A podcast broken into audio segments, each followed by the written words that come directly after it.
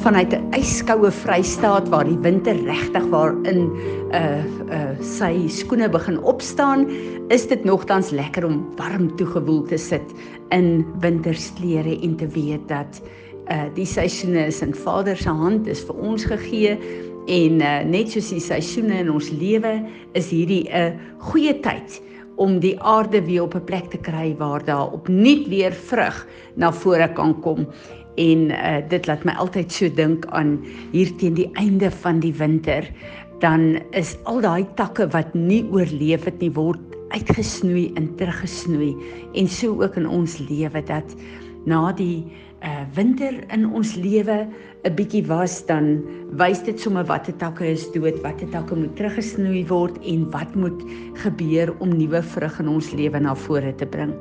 Ons is by hemelvaart. En uh, ek kyk na uh, die kalender en ek dink hierdie is eintlik so 'n belangrike datum vir ons as kinders van die Here, maar in Suid-Afrika is dit nie eers 'n uh, vakansiedag meer nie.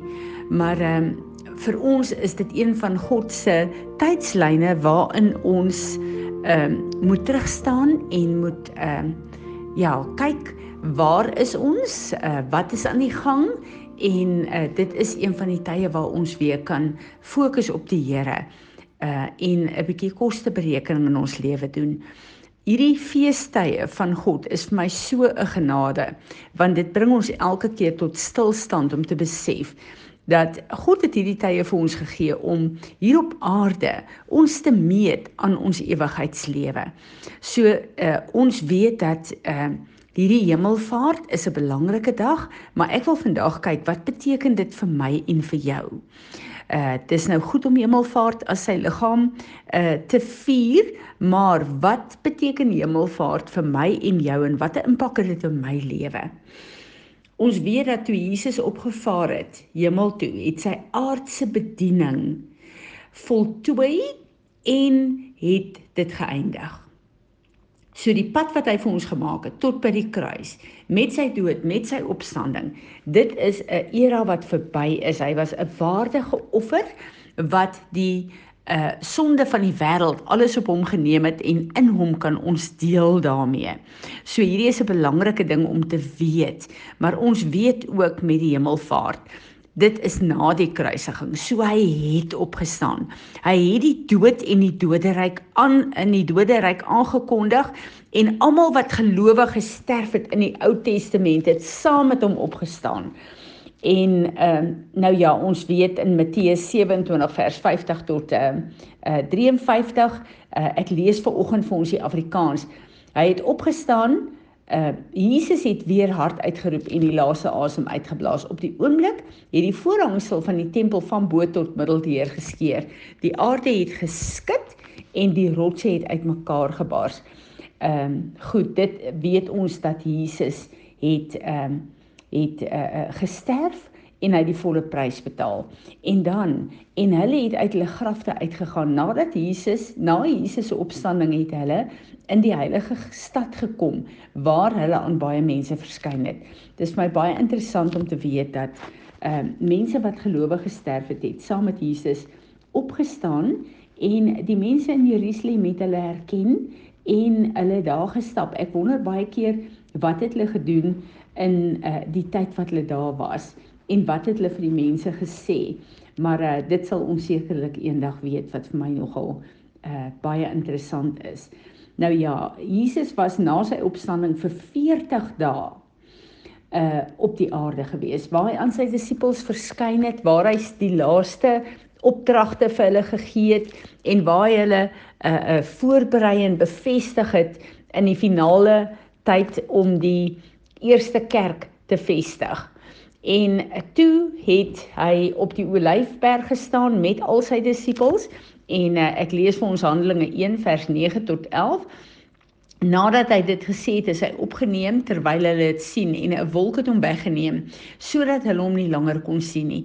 Terwyl hy weggaan en hulle nog stip na die hemel kyk, het daar skielik twee mans in wit klere by hulle gestaan. Die sê toe vir hulle Galileërs, "Waarom staan julle so na die hemel en kyk?"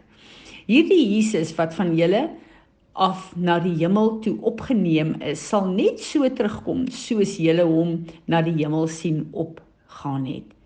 Dis so wonderlik dat ons weet dat die woord van God gee vir ons die belofte. Jesus het gegaan om vir ons daai plek te gaan voorberei. Maar hy kom terug aarde toe. Nou eh, wat ek ver oggend 'n uh, eh, bietjie op wil fokus is wat is hy nou besig om te doen? Uh goed, ek het nou net genoem hy berei vir ons 'n plek voor Johannes uh 14 vers 2 tot 4 sê in die huis van my Vader is daar baie woonplek. As dit nie so was nie, sou ek nie vir julle gesê het dat ek gaan om vir julle plek gereed te maak nie. En as ek gegaan het om vir julle plek gereed te maak, kom ek terug na julle uh en sal julle na my toe neem sodat julle ook kan weet waar ek is en julle ken die weg na die plek waarheen ek gaan. So Jesus is besig om ons plek vir ons voor te berei uh in ons ewigheidslewe. En die belangrikste hoe hy dit voorberei is wat hy nou doen. Hy bid vir ons. Romeine 8 vers 34 staan daar. Ehm um, wie kan ons oordeel? Christus wat gesterf het, maar meer as dit, hy is uit die dood opgewek. Hy sit aan die regterhand van God en hy pleit vir ons. Uh die Engelse vertaling sê hy doen intersessie vir ons. So sien ons ook in in uh, uh Efesiërs 1 vers 20. Hy sit in die regterhand van Vader God en hy is besig om vir ons in te tree. Nou wat dink julle bid Jesus vir ons? In die eerste plek, hy het vir ons 'n pad kom maak. Sy woord is ons padkaart. Sy woord is ons toerusting. Sy woord is sy karakter waarin ek en jy uh, gevorm moet word. So hy bid vir ons dat sy woord my en jou se elke dag se pad sal wees. Van daai plek waar hy vir ons bid, stuur hy sy engele om ons te beskerm wanneer dit nodig is, om vir ons oorlog te voer wanneer dit nodig is. Hy bid dat sy plan, die plan wat hy en Vader vir ons lewe het op aarde, dat daai plan sal lyk soos wat die plan uh, uh die bloudruk is wat hy vir ons geskryf het. Hy het ons geskaap, hy weet wat sy doel is vir ons.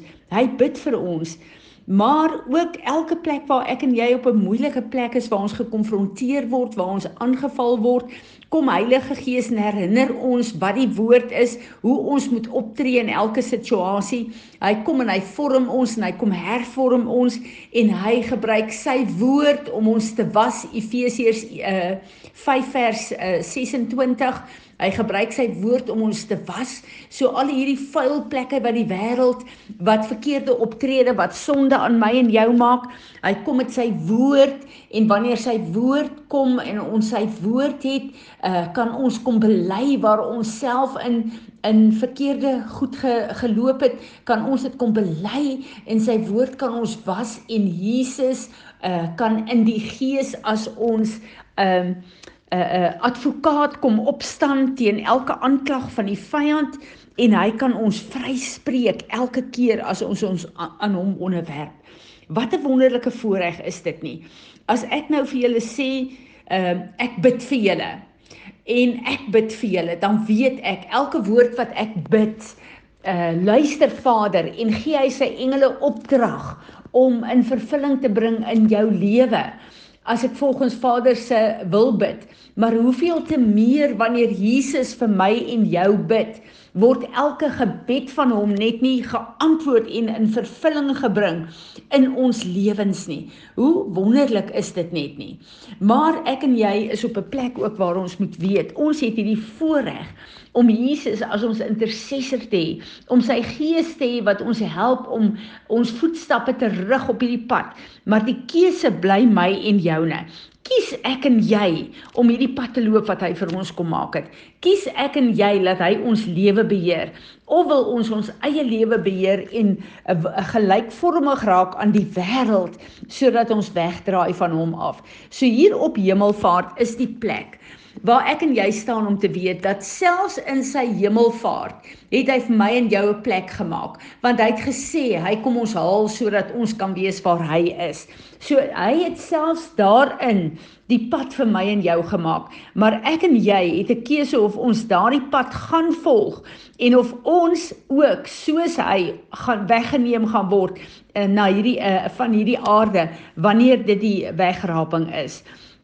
Hierdie is 'n geleentheid waar ek en jy kan kom en waar ek en jy ons opnuut weer kan toets en sê Here, is ek gereed om U te volg in U hemelvaart? Is ek gereed om wanneer U kom, uh saam met U te gaan of is daar dinge op aarde wat my anker en vashou en wat die vyand te wettige reg gee om my hier te hou? Piet, wil jy nie asseblief vir ons bid op hierdie plek nie en bid dat Vader sy gees sal gee om ons te wys hoe ons lyk en of ons gereed is en dan die wonderlike wete dat hy hierdie pad gemaak. Ek en jy hoef dit nie te maak nie, maar ek en jy moet hom volg. Mag jy 'n geseënde res van die week hê. Dankie Piet. Here Jesus, dankie dat U die weg en die waarheid is. Dankie dat U die pad klaar gemaak het. Dankie dat U alles klaar volbring het op hierdie aarde. Here, dankie dat U ons vrygekoop het met U bloed, Here. Here, maar U sê in die woord dat ons harte is deceiving, ons harte is wicked. Ons weet nie eens wat ons eie hart aangaan nie en dit is so waar. Here, ek wil vir jou kom wys vir ons wat in ons harte aangaan. Kom wys vir ons, kom lig vir ons hierdie plekke uit waar waar U wil hê ons moet werk, waar waar U weet ons ons mis dit. Here waar ons onsself so verblind en en dit nie eens raak sien nie. Here kom help ons om in hierdie plekke te werk. Kom help ons om daai plekke aan te raak, Here. Here dat dat U ons op 'n plek sal sit wat waardig is. Wat waardig is van die offer wat U gebring het. Here dat ons op 'n plek kan kom waar U ons wil hê, Here, dat ons nie meer sal rondkyk en blindeling sal rondloop en die en die gebrekkige plekke in onsself nie meer sal raak sien, Here. Here, maar dat U ons sal kom skoon was op daai plekke en dat U ons sal kom herstel met U krag. Here, dat ons saam met U kan werk waar dit ook onnodig is. Dankie daarvoor, Here. Amen. thank you